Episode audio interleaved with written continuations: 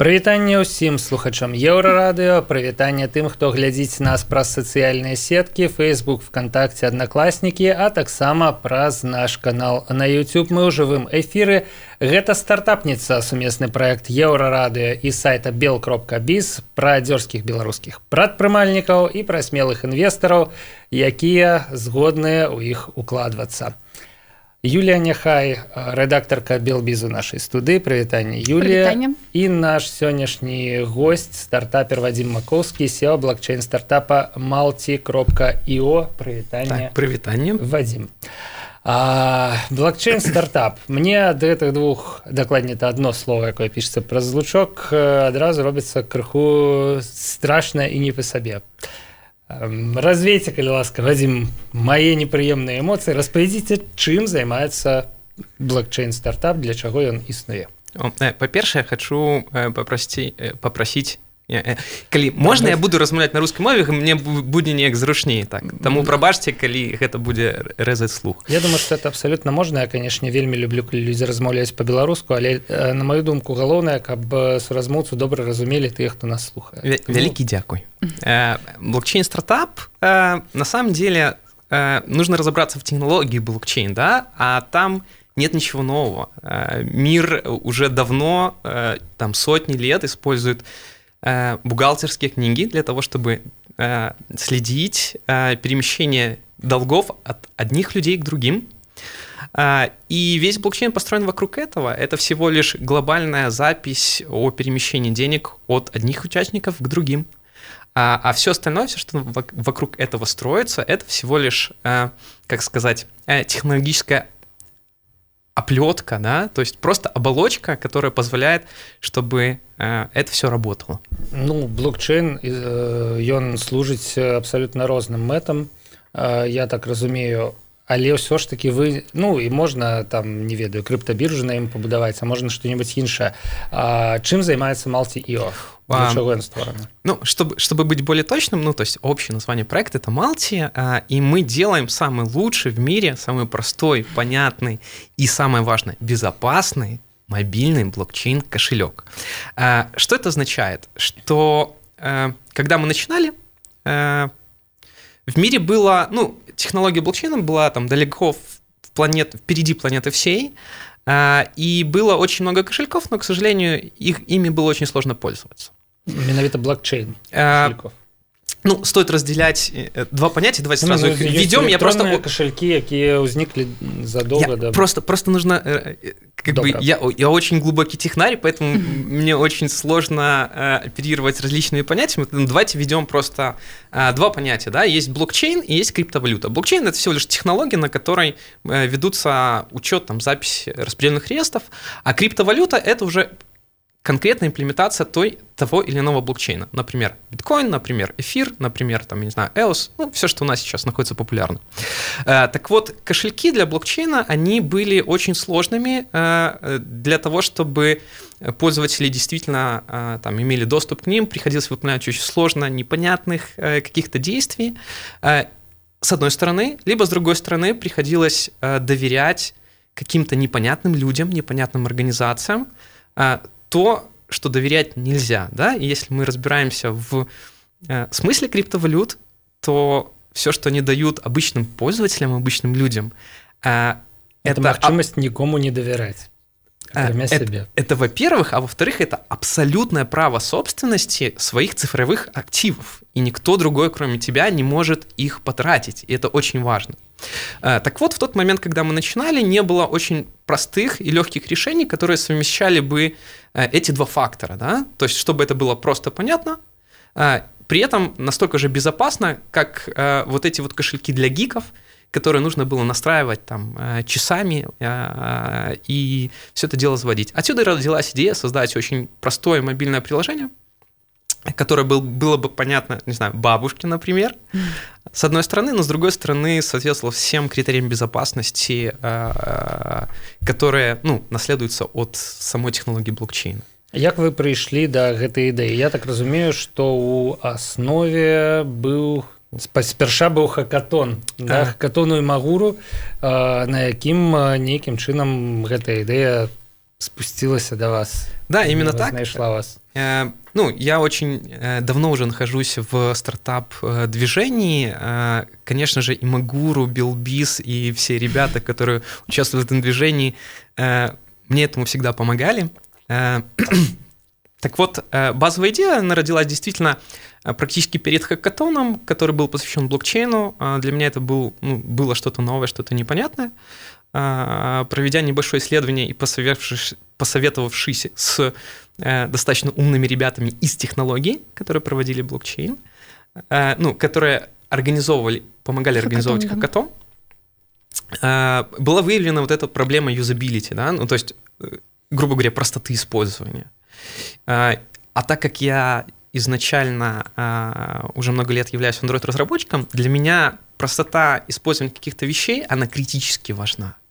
Ну, э, сделать... складанае прыкладанне ніхто не не ведаю не тыражуе не установ не усталёвае а калі усталюсь так ніхто не карыстаецца его выдаляюць э, ну как бы яно не, не зможа быть массовым именно так то есть чтобы все все сложные штуки нужно преподносить и подавать очень просто если это так то тогда у твоего проекта есть огромный шанс Э, так вот, я на протяжении пяти лет искал какие-то такие идеи, которые бы соответствовали большому количеству критериев.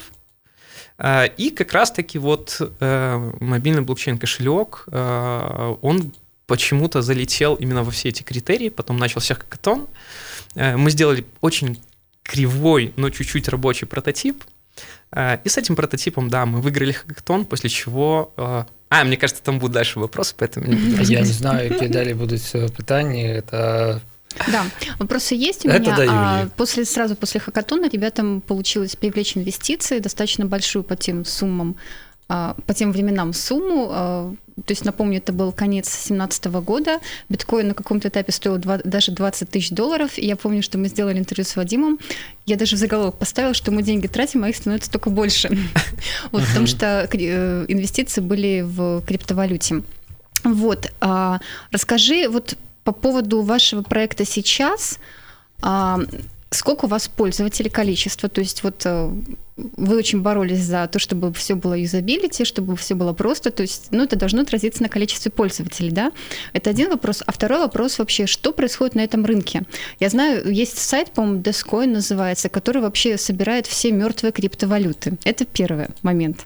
Второй момент это то, что не так много кейсов, когда а, в технологии блокчейн используется в реальной жизни. То есть сейчас у нас криптозима, будем так справедливо. Ну, Хотя, зима. Ну, ну да, да. Хотя MIT сказал, что в 2019 году криптовалюты будут неплохо себя чувствовать. Вот, то есть э, сколько у вас пользователей и вот как вы вообще Ну, это два вельмі розных пытання на самом ну, да. давайте пачнем з таго э, вось у верасні ўзнік проект да. амаль 5 месяцаў кастрычнік 17 -го года мы, а, 17 да, да, да, мы, мы уже отпраздновали свой день Добра, рождения. амаль полтора года да якіх вынікаў э, вы прыйшлі карыстальнікі перспектывы упэўненасць у завтрашнім дні э, самое важное наше достижение которое я наверное выдвину э, вперед э, это то что у нас получилось построить очень классную команду которая в итоге создала очень классный технологический продукт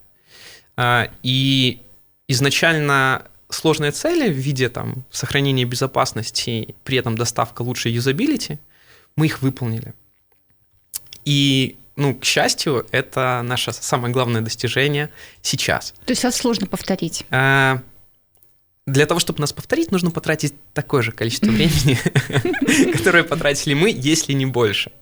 А, это с одной стороны. А, вторая штука, которая заключается в том, что у нас очень мощная технологическая команда, и в какой-то момент времени мы просто забили на маркетинг. Можно говорить слово забили в эфире? Можно. Отлично.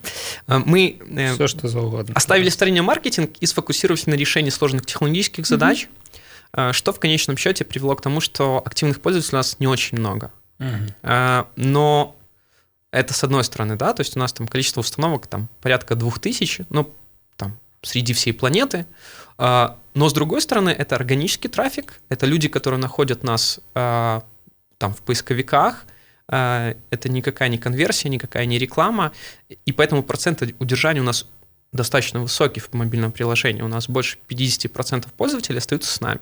Mm-hmm. То есть на сегодняшний день мы имеем порядка там, 50 э, активных пользователей в день. А нашего кошелька на 2000 установок это для меня это очень хороший показатель. Mm-hmm. Э, То бок колькасць усталёвак для вас зараз не самамэта э, не ну рано или поздно это станет целью э, и ну как бы продолжая в какой ситуации мы сейчас находимся с точки зрения там стартапа с точки зрения бизнеса э, да те деньги которые мы привлекли нам их хватило чтобы добраться до текущего момента. Э, теперь мы испытываем э, скажем так те же самые проблемы, которые испытывают большинство криптостартапов сейчас, потому что действительно э, там криптовалюта просела, эм, очень многие э, ну, не знаю, обычные не криптоинвесторы, обычные инвесторы начинают разочаровываться mm-hmm. в рынке, да, то есть как бы э, если год назад было очень легко поднять фандрейзинг под любую идею, то теперь это становится сложнее, потому что многие там обожглись, разочаровываются. Поэтому по факту сейчас мы находимся на стадии выживания, даже не так, мы не находимся, мы выживаем, угу. причем делаем это очень успешно. Посмотри, как он улыбается при этом. Ну да, выглядая неблаго. Бодером. Да. Э, мы делаем это достаточно успешно, при этом мы сохранили всю нашу команду относительно, ну, то есть как, не абсолютно всю, да, но ядро ключевое, которое позволяет развивать дальше проект, у нас остался, и это супер круто. Я очень благодарен и ребятам за это. Перспектывы. І перспективы что будзе напрыклад калі праз год вы не набярэце 50 тысяч О, нет, так, так, такого быть не может. А сколько вообще емкость рынка? Вот а, на сегодняшний день, если оценивать рынок, рынок в целом, я сейчас говорю про мобильные э, криптокошельки, то там совокупное количество установок, оно колеблется там в районе там, 10-20 миллионов. Да? То есть всего в Google Play App Store э, всего лишь 20 миллионов человек по всему mm-hmm. миру используют мобильные криптокошельки. Их Топ... количество растет. То есть рынок молодой, но он растет. Да, он растет mm-hmm. каждый год, поэтому, э, по сути, влетать туда с хорошим э, бюджетом на маркетинг ну, достаточно просто. То есть можно нагнать трафик и... Там... ці можна взять вялікі маркетынгавы бюджэт і э, за яго кошт забяспечыць вам нейкую такую колькасць э, усталёвак э, якая будзе сімвалізаваць ваш поспех. Да ці можна заліць просто э, стартап грошамі і за кошт гэтага взлететь ці ёсць нейкія іншыя стратегії на якія вы арыентуете Да, ну это самая простая модель, которая сейчас работает э, практически во всех мобильных приложениях. Это там обозначивается какой-то бюджет в месяц, и просто выжигается все там социальные сети, все, все дворс рекламы, все рекламные сети по поводу этого приложения. Э, но стоит заметить, что э, такую штуку имеет, такую стратегию имеет смысл применять лишь в том случае, если четко понятна модель монетизации, да? Вот. То есть э, любые такие затеи, они классно работают в тот момент, когда ты понимаешь, что в одном месте ты можешь вложить доллар, а с другого достать два тогда ну это moneymaker машин. Два это дарэчы вельмі крутая рентабельнасць я б доллар і 20 центаў мог дастаць у прынцыпе быў бы вельмі шалёна просто рады.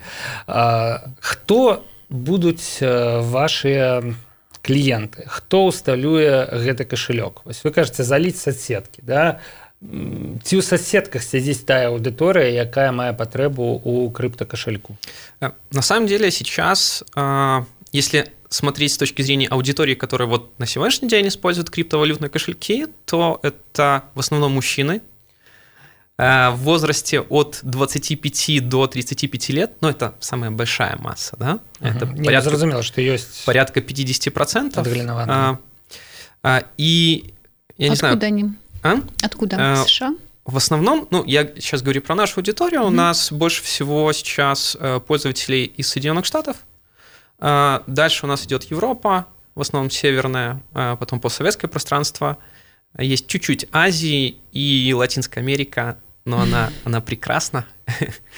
например венесуэльцам ну да ну, вось дарэчы калі з амерыканскай аўдыторыі я разумею як працаваць гэта можа там нстаграм можа snapchat можа facebook. Так як азіяцкую аўдыторыю подцягваць дзе свой інтэрнет за за вялікім кітайскім фаерволам да?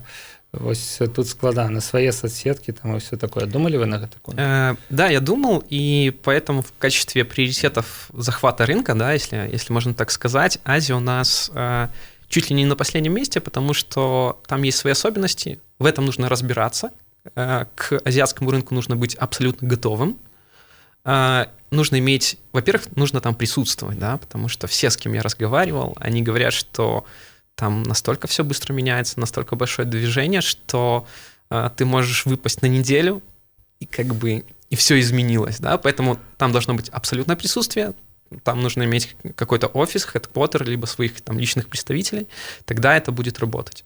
Насколько вы понимаете, мы сейчас не готовы к тому, чтобы открывать офис где-нибудь, ну, например, в Сингапуре. Хотел бы такое лиричное отступление крыху э, зрабіць э, ваш сервис ён доступны і з яго дапамогай крыптавалютны кашалёк можа зрабіць в прынцыпе кожны тэарэтычна і калі вось мы думаем про гэта да зрабіць крыптакашалёк пачаць гуляць з крыптавалютамі мне здаецца что для людзей гэта вельмі спакусліва яны шмат хто з людзей ён бачыць у крыптавалютах дагэтуль бачыць танны хуткі сродак зарабіць шмат грошай. Натуральна гэтыя людзі хутчэй грошы будуць губляць. Калі гэта не прафесіяналы калі яны ну просто разлічваюць выйграць у гэтую латарэю да есть тут мне здаецца вялікі момант сацыяльнай адказнасці як вы яго для сябе фармулюеце ці будзе які-небудзь тэст напрыклад не ведаю э, хочаш хочаш крыптавалютны кашалёк реши дыферэнцыяльнае ўраўненне да і Э, ну, как, как, как по мне, это полностью противоречит тому, что мы делаем в принципе, да, потому что, э, ну, как бы в нашем случае криптовалюты, они перекладывают ответственность с централизованных систем, такие там, как банки, государства, на конкретно каждого человека. Да? То есть каждый, каждый сам э, вправе решать, как ему поступать и что делать. Э, рассказы про профессионалов на торговле на криптовалютном рынке, они очень смешные, да? потому что теперь очень много курсов, э, обучения, очень многие люди делают на этом деньги, но по факту никто не знает, как это работает до сих пор. Э, и я бы советовал обращать внимание не на желание очень быстро разбогатеть, Э, на, на торговле криптовалют, а смотрел бы чуть больше в корень и на возможность использования э, этих технологий э, в повседневной жизни на оптимизации каких-то процессов. Ну, просто чтобы вы понимали, насколько все интересно и куда катится мир. Например, я сейчас веду переговоры с ребятами с Венесуэлы, которые всерьез делают проект оплаты общественного транспорта посредством криптовалют. Клас. Вот я толькі подумал, что Венесуэла гэта ну зусім не тое месца. Дзе а, вот менавіта зараз но, можна нешта такое рабіць але я, я прошу прощения но с точки зрения а, а, как бы потребности востребованности технологий вот Латинская Америка и страны в которых экономически ну как бы национальная валюта очень нестабильна а, вот там криптовалюты пользуются максимальной популярностью на сегодняшний день и там в той же Венесуэле, в Венесуэле есть Педро, да, да Петро. Петра, да, Петра валюта mm-hmm. гарантованная нафтой, будущими распрацоўками. Вообще есть такое мнение, что, ну, получается, вот пока э, криптовалюты волатильны, и их невозможно использовать как платежное средство, но при этом они могут решить э, какие-то внутренние проблемы, используя именно внутри государства.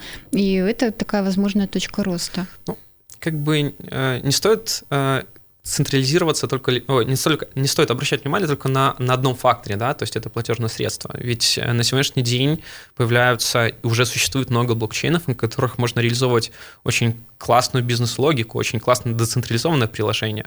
Э, мне стоит объяснить, что такое децентрализованное приложение? Нет, я думаю, у нас Потому мало времени. Той, хто розуміє слово блокчейн, ён мусить разуметь да. то, что такое децентрализованная система там, и так далее. Э... Ты, кто не разумеет, то и вот. Ну да. И как бы заканчивая мысль, основной, э, основное преимущество э, технологий, оно не, э, не только в финансах, да, оно в, в том, чтобы упрощать и убирать любых посредников э, в, не знаю, там, в бизнес-процессах, да, и это супер классно. То есть на примере общественного транспорта, да, если это все сделать на блокчейне, то теряется э, ну, как бы сокращается затраты на большое количество процессов, людей э, и костов на, на то, чтобы это все работало. Mm-hmm. Потому что есть либо есть билет, либо его нет. Тебя либо пропустят, либо mm-hmm. не пропустят.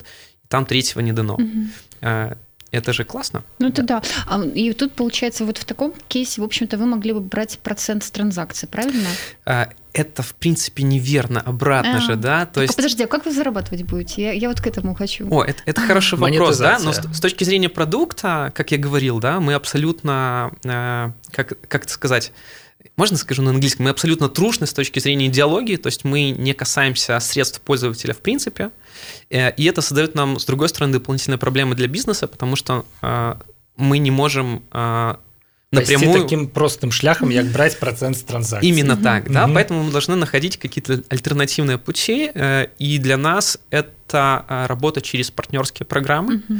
аффилированные партнерские программы, то есть мы можем, например, людям говорить, что вот есть э, обменник, вы можете пойти туда, из нашего кошелька напрямую обменять средства, но при этом э, там, мы заберем 0,05% комиссии от того, что заработает сам обменник. И дальше обменник уже рассчитывается с нами, если это наш клиент. То бок вы ствараете для, э, для бизнеса поток да, клиентов, дзякуючы вашай тэхналогіі вашим кошелькам могуць кліенту атрымліваць іншыя бізнесы гэта цікавая модель на мой думку А, ну, она, она тоже как бы достаточно старая, да, то есть аффилированные программы не существуют mm-hmm. почти, практически с того момента, когда э, там есть ну, мерчанты в, в, в вебе, да. Э, при этом э, ну, она работает, и при этом мы можем оставаться трушными ребятами, которые не, не трогают средства и сильно не напаривают пользователей с точки зрения там, не знаю, рекламы и всего остального. Mm-hmm. Да? Есть сервис, ты можешь пользоваться им, либо можешь не пользоваться. Это как бы твое решение. Mm-hmm. То есть вы сейчас э, планируете протестировать именно B2B модель? А, наоборот, э, пока что а, Пока что, если мы рассматриваем э, ну, наше приложение как клиентоориентированное, то это чистый B2C. Да? А, а угу. В B2B мы, э, у нас есть что предложить B2B, но это абсолютно другое. B2B – это как раз-таки наше технологическое решение, которое позволяет э, на базе ну, нашего ядра собирать достаточно мощные инструменты, инфраструктурные проекты, например, как биржи или что-то другое. Угу. А какие вот вообще есть какие-то вот интересные, допустим, кейсы, которые тебя вдохновляют монетизации таких вот децентрализованных приложений? Вот как они вообще монетизируются? А, как монетизируются децентрализованные приложения? О, есть самый классный путь э, монетизации, которые, которые все верят, и почему все обжигаются. Это все, все выпускают свои токены, а, а, ну да. Да, да, да. И, и единственное, что они говорят инвесторам, они говорят, типа, у нас есть токены, у нас все хорошо. Смотрите, сейчас они стоят доллар, а вот после того, как у нас будет пользователи, они будут стоить 10. Ну, конечно же, это не работает. Поэтому а, как должны ну, монетизироваться блокчейн-проекты, да, точно так же, как обычные проекты, да. Ну, то есть разницы-то никакой нету а, э, в принципах бизнеса, да. Если ты предоставляешь какую-то ценность, и за это готовы платить люди, ну, они будут тебе платить. Угу. В противном случае нет. А як адбываюцца ваши перамовы з інвестарамі? Ці даводзіцца доўга тлумачыць ну, вось гэту всю блокчейн, дэцэнтралізацыя і так далей. Ці не ўзнікае сумневаў у словах, калі вы кажаце крыптавалюта, там крыптакашалёк. І як вы плануеце далей прыцягваць інвестыцыі? Ну, как бы таких глобальных вопросов не возникает, потому что в первую очередь э, мы ищем, ну, как бы целевых инвесторов, да, то есть Такие уже ведают, что это Да, во-первых, мне, ну, то есть в качестве инвесторов э, мы ищем умные деньги, люди, которые не, ну, не только там принесут нам деньги, таких, кстати, очень много, а которые помогут нам в развитии нашего бизнеса, партнерствами и всем остальным. А, так вот, ну, соответственно, таким людям не нужно объяснять, что это такое. Да? С другой стороны, э, как бы как мы планируем жить дальше? Э, достаточно просто. Э, сейчас я говорил, что мы находимся в пути выживания, да, мы выживаем, но это дает нам возможность... Э, ну, ладно, я чуть-чуть прервусь, давайте поставим такую небольшую запятую uh-huh. и расскажу то, что мы хотели собирать раунд до, до Нового года и привлечь следующий раунд инвестиций в 2018 году. Но условия на рынке были достаточно плохие, инвесторы очень плохо реагировали, ну, либо давали, э, хотели забрать очень большую долю, да, либо давали там достаточно маленькие стеки, которые Это нам бы не хватило. с кризисом, у яким опынулась вся индустрия, да, именно так. криптовалютный рынок.